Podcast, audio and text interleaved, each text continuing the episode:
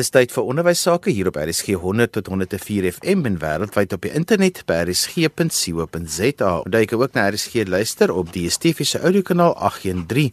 Die program is ons in die onderwys saam met my Johan van Lille. Vandag gesels ons oor leer en ek dink is nogal belangrik hier naby aan die eksamentyd om bietjie na te dink oor wat leer werklik is. Eerste gesels ek met Dr. Annelies Du Plessis en sy is van die departement opvoedkundige sielkunde by die Universiteit Pretoria. Annelies, wat is leer in werklikheid? Ehm um, Johan, wat dit beteken om effek te leer is ehm um, dat ons werk moet verstaan. Ons moet werk kan analiseer, ons moet dit kan sintetiseer. Nou dis 'n baie groot woord met ander woorde om dit uitmekaar te kan haal en dit dan uh, te kan konseptualiseer met ander woorde jou eie te maak en om koneksies te vorm sodat die werk nie ehm um, noodwendig gememoriseer word nie, maar logies beredeneer word. Effektiewe leer ehm um, wat potensiaal van iemand ontwikkel of um, iemand help om sy potensiaal te ontdek is baie meer en makliker as om werk te memoriseer en weer te gee of weet die inligting weer te gee sonder dat daar noodwendig begrip en insig is. Nou ehm um, ek wil net so 'n bietjie vir die luisteraars verduidelik uh as ons nou praat van effektiewe leer, hoe dit alles bymekaar kom. En eerstens, die brein ontvang inligting deur die sintuie. Ehm um, en ons noem hulle inligtingverskaffers maar die brein het nie daardie vermoë om hierdie inligting te organiseer nie. So die brein weet dit nie wanneer is hierdie inligting feite of konsepte of selfs siklusse nie en daarom het die brein organiseringsgereedskap nodig sodat hierdie inkomende inligting baie mooi gestruktureer en georganiseer kan word sodat ons op 'n bepaalde manier kan dink. Met ander woorde ons het um, eintlik nodig om die brein te help om patrone uh, onder andere te sien. En so word die breinbane dan vir altyd op 'n logiese manier vasgelê. So dit is nie meer nodig om te moet memoriseer nie, want dan beteken dit as jy gaan memoriseer, is die kans baie goed dat daai inligting verlore sal gaan. Maar hier is sit jy werklik nou met dis logies, dit is logies eh, beredeneer, dis logies uitgelê en die brein kan dit baie maklik herroep. Nou hierdie organiserings ehm um, gereedskap kan as volg gebruik word. Um, ons kan gebruik maak van vloei diagramme. Met ander woorde, dit is om die lineêre denke te bevorder en lineêre prosesse te bemeester. Uh en hier dink ek sommer vinnig aan 'n voorbeeld, jy weet waar 'n ou ehm um, wiskunde kan leer, waar 'n ou uh, tale kan leer. Met ander woorde, dit is die een konsep vloei in die ander. Dan is daar 'n uh, kontrasterende diagramme. Met ander woorde, wanneer ons kontraste met mekaar moet vergelyk, of kontrasterend met ander woorde wat hoe verskil die een konsep van die ander konsep? As ek byvoorbeeld vir 'n leerder moet vra wat is nou die verskil tussen die lewe in 'n dam en die lewe in 'n see byvoorbeeld? Dan dan kan dit baie logies beredeneer word deur gebruik te maak van kontrasterende diagramme. En dit kan ook om verskille en ooreenkomste baie vinnig te ontdek. Eerder as om dit nou te memoriseer en uh dit dan jy weet te probeer uitdink terwyl 'n ou eksamen skryf en onder daai geweldige gedruk en spanning is. Dan is daar ook ehm um, siklusse wat 'n mens kan gebruik en daar's baie voorbeelde daarvan dit werk veral baie lekker met ehm um, geskiedenis vakke soos geskiedenis vakke soos ehm um, wetenskappe die biologie uh, vakke die lewenswetenskappe soos ons dit nou ken. Ehm um, en dit help die leerders dan ook om daai koneksies te maak en die groter prentjie van die leerinhoud te ontdek. Nou hierdie gereedskap uh, kan in elke vak aangewend word want die idee is nie om uh, om met 'n strategie of 'n resep te begin nie maar om eerder dit te ontdek. Dis die belangrike ding. Ek dink dit is waar ons as ouers en onderwysers baie keer die fout maak. Is ons wil dadelik vir die leerders 'n resep gee of 'n strategie gee en dan val ons met die abstrakte in en ons vergeet eintlik dat die brein dit um, wil orden. So met ander woorde om dit baie meer konkreet te maak totdat ons dan verder na die abstrakte gaan of die lineêre denke dan. So ehm um, dit word dan vir die leerder 'n strategie waarmee hy kan werk met kan analiseer en sintetiseer.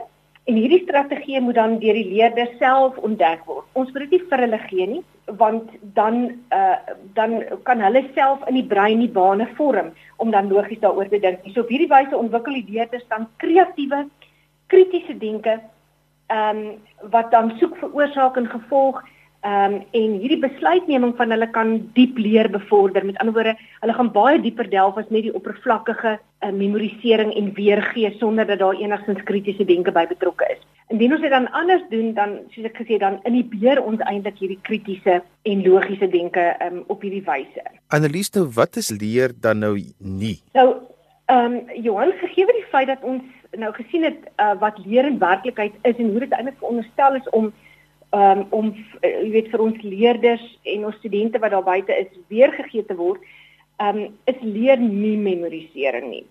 Leer kan nie deur 'n bepaalde studiemetode ook gewaarborg word nie. Ons hoor van baie studiemetodes. Ons hoor van ouens wat um, daar buite in die veld is en wat regtig um, dit hulle volgens hulle gaan hulle studiemetodes werk. Nou uh, ek bring dit van so 'n bietjie van 'n ander kant af in om te sê oneffektiewe leer word bevorder deur memorisering waar jy 100 keer dieselfde ding oor en oor doen terwyl jy ehm um, jy weet uh, 100 goed op 'n verskillende manier kan doen wanneer jy 'n denker is.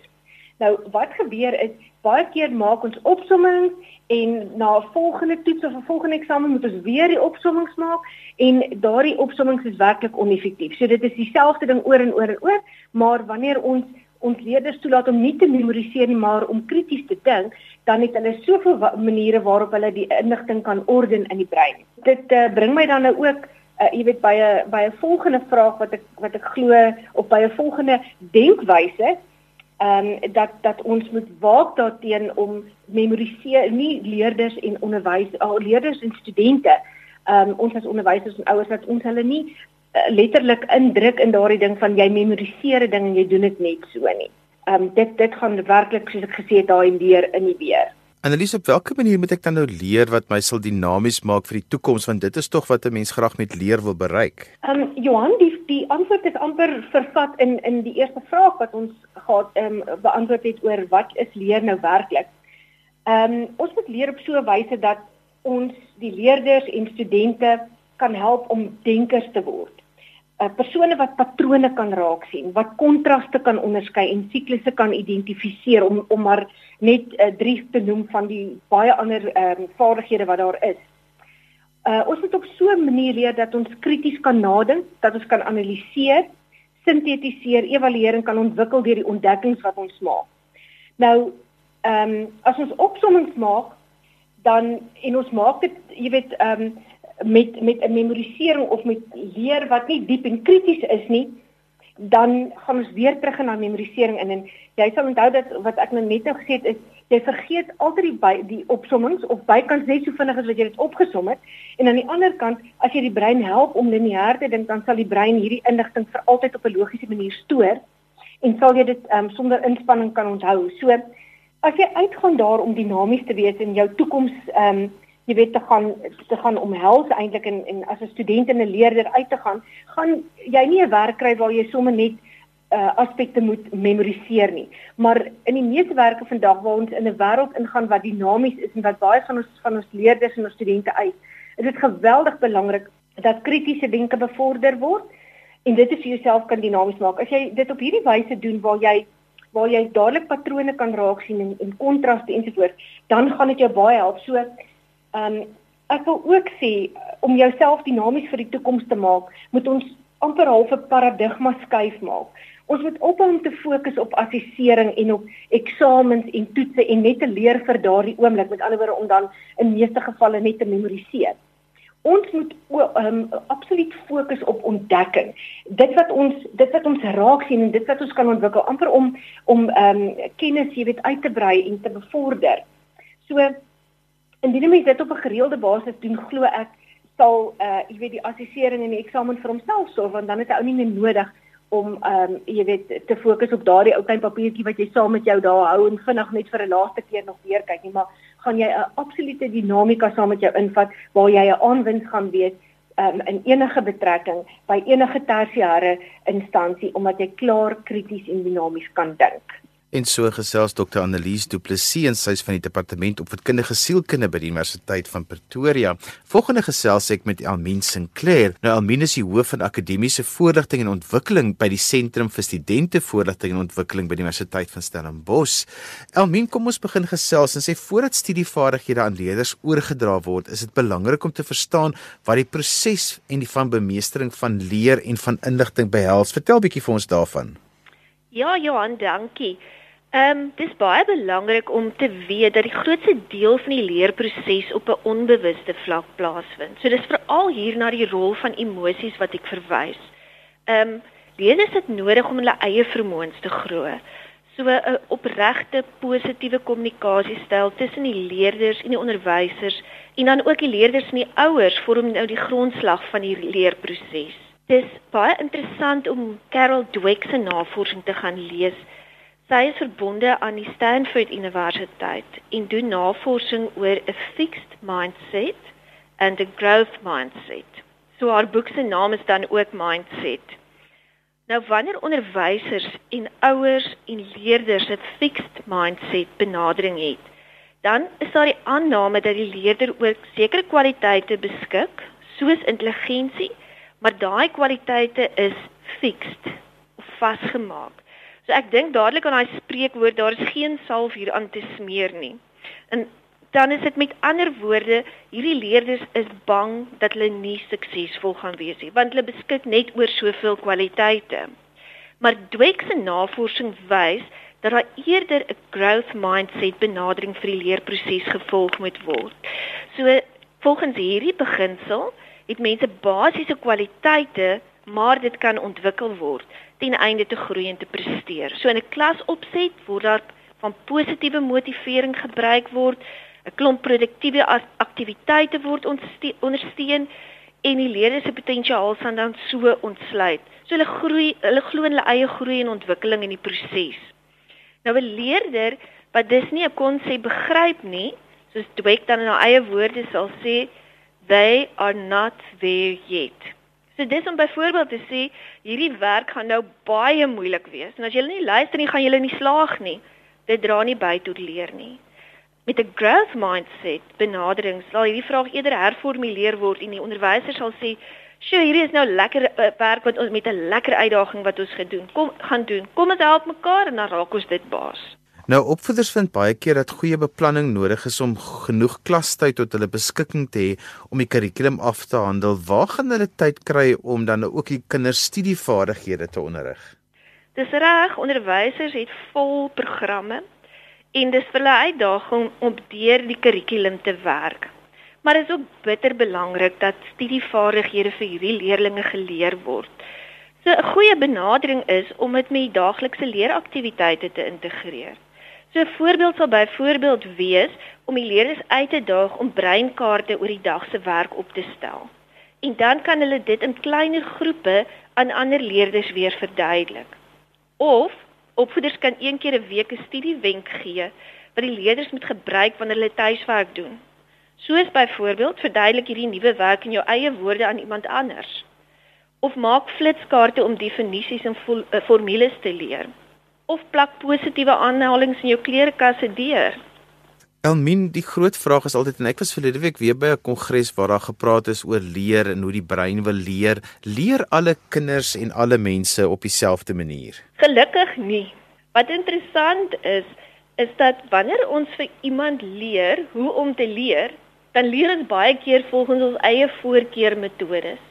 So dis nogals belangrik om te besef dat mense verskillend leer en ook in hoe 'n mate mense verskillend leer. Nou daar's allerlei assesserings wat gedoen kan word om iemand te help om sy eie unieke leerproses te bemeester, maar wat belangrik is, is dat byvoorbeeld jy kry sekere leerders wat leer vanuit 'n geheelbeeld. So hulle wil eers 'n oorsig kry oor al die werk wat hulle moet leer. En dan gaan hulle na die verskillende onderafdelings en die verskillende feite toe wat hulle moet beheer, bemeester.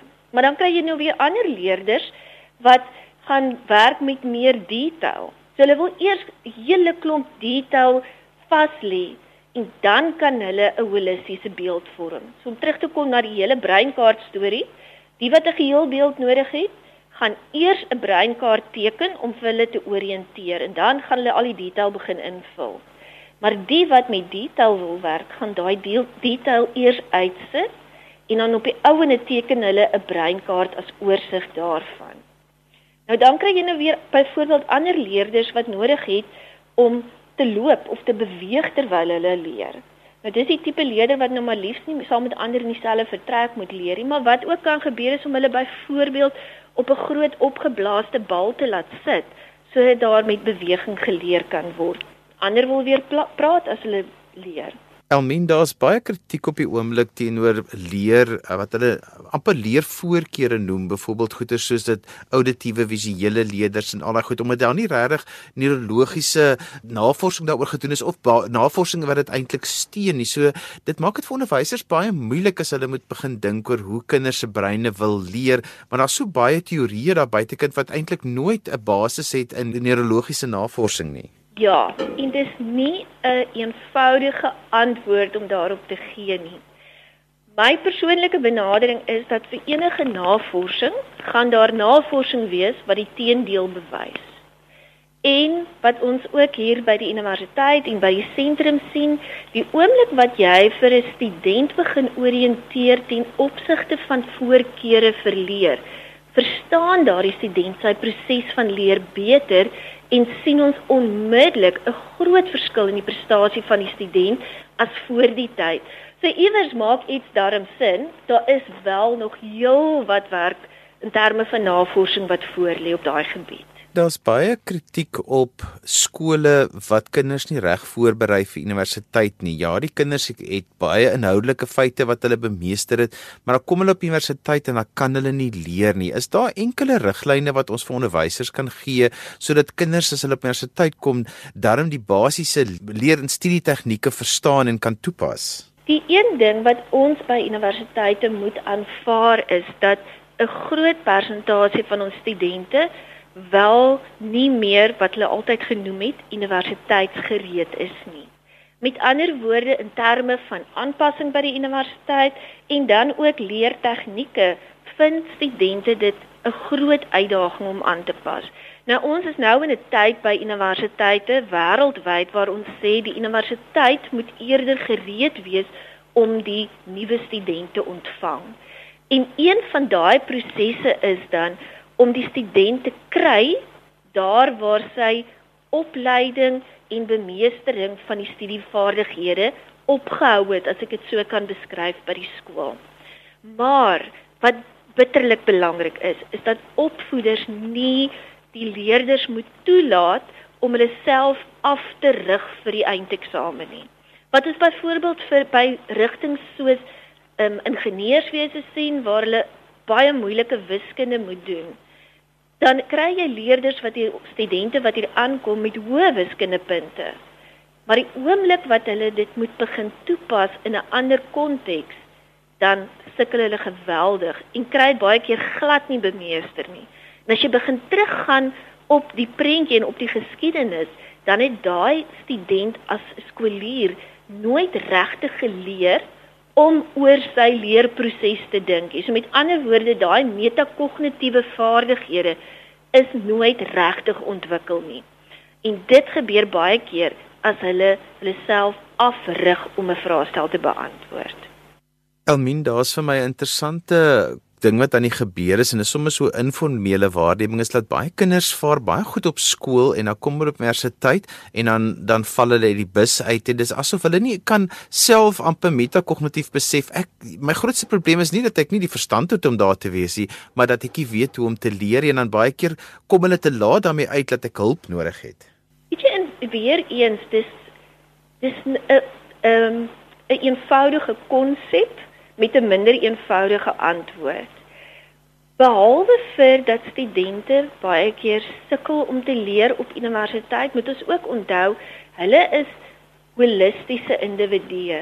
So wat op enige ander vlak in hulle lewe gebeur, het 'n invloed op hulle leerproses. Nou ons weet dat as hulle by universiteit aankom, is hulle hanteringsmeganismes of soos in Engels gesê hulle coping skills nie altyd voldoende vir wat hier vereis word nie. Soos ek kry byvoorbeeld studente wat skielik vir hulself moet kos maak. En daai stres wat daarmee saamgaan, het op die ouene invloed byvoorbeeld op wanneer hulle moet studeer en hoe hulle moet studeer.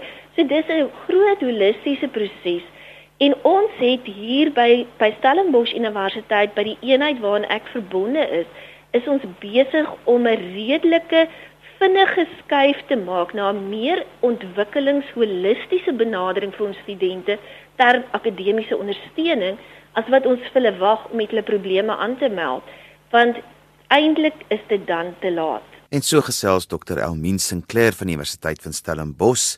daarmee ons gekom aan die einde van vandag se program. Onthou jy kan weer na vandag se program luister as 'n potgooi. Laai dit af by resgep.co.za. daarmee groet ek dan vir vandag tot volgende week van my Johan van Dil. Totsiens.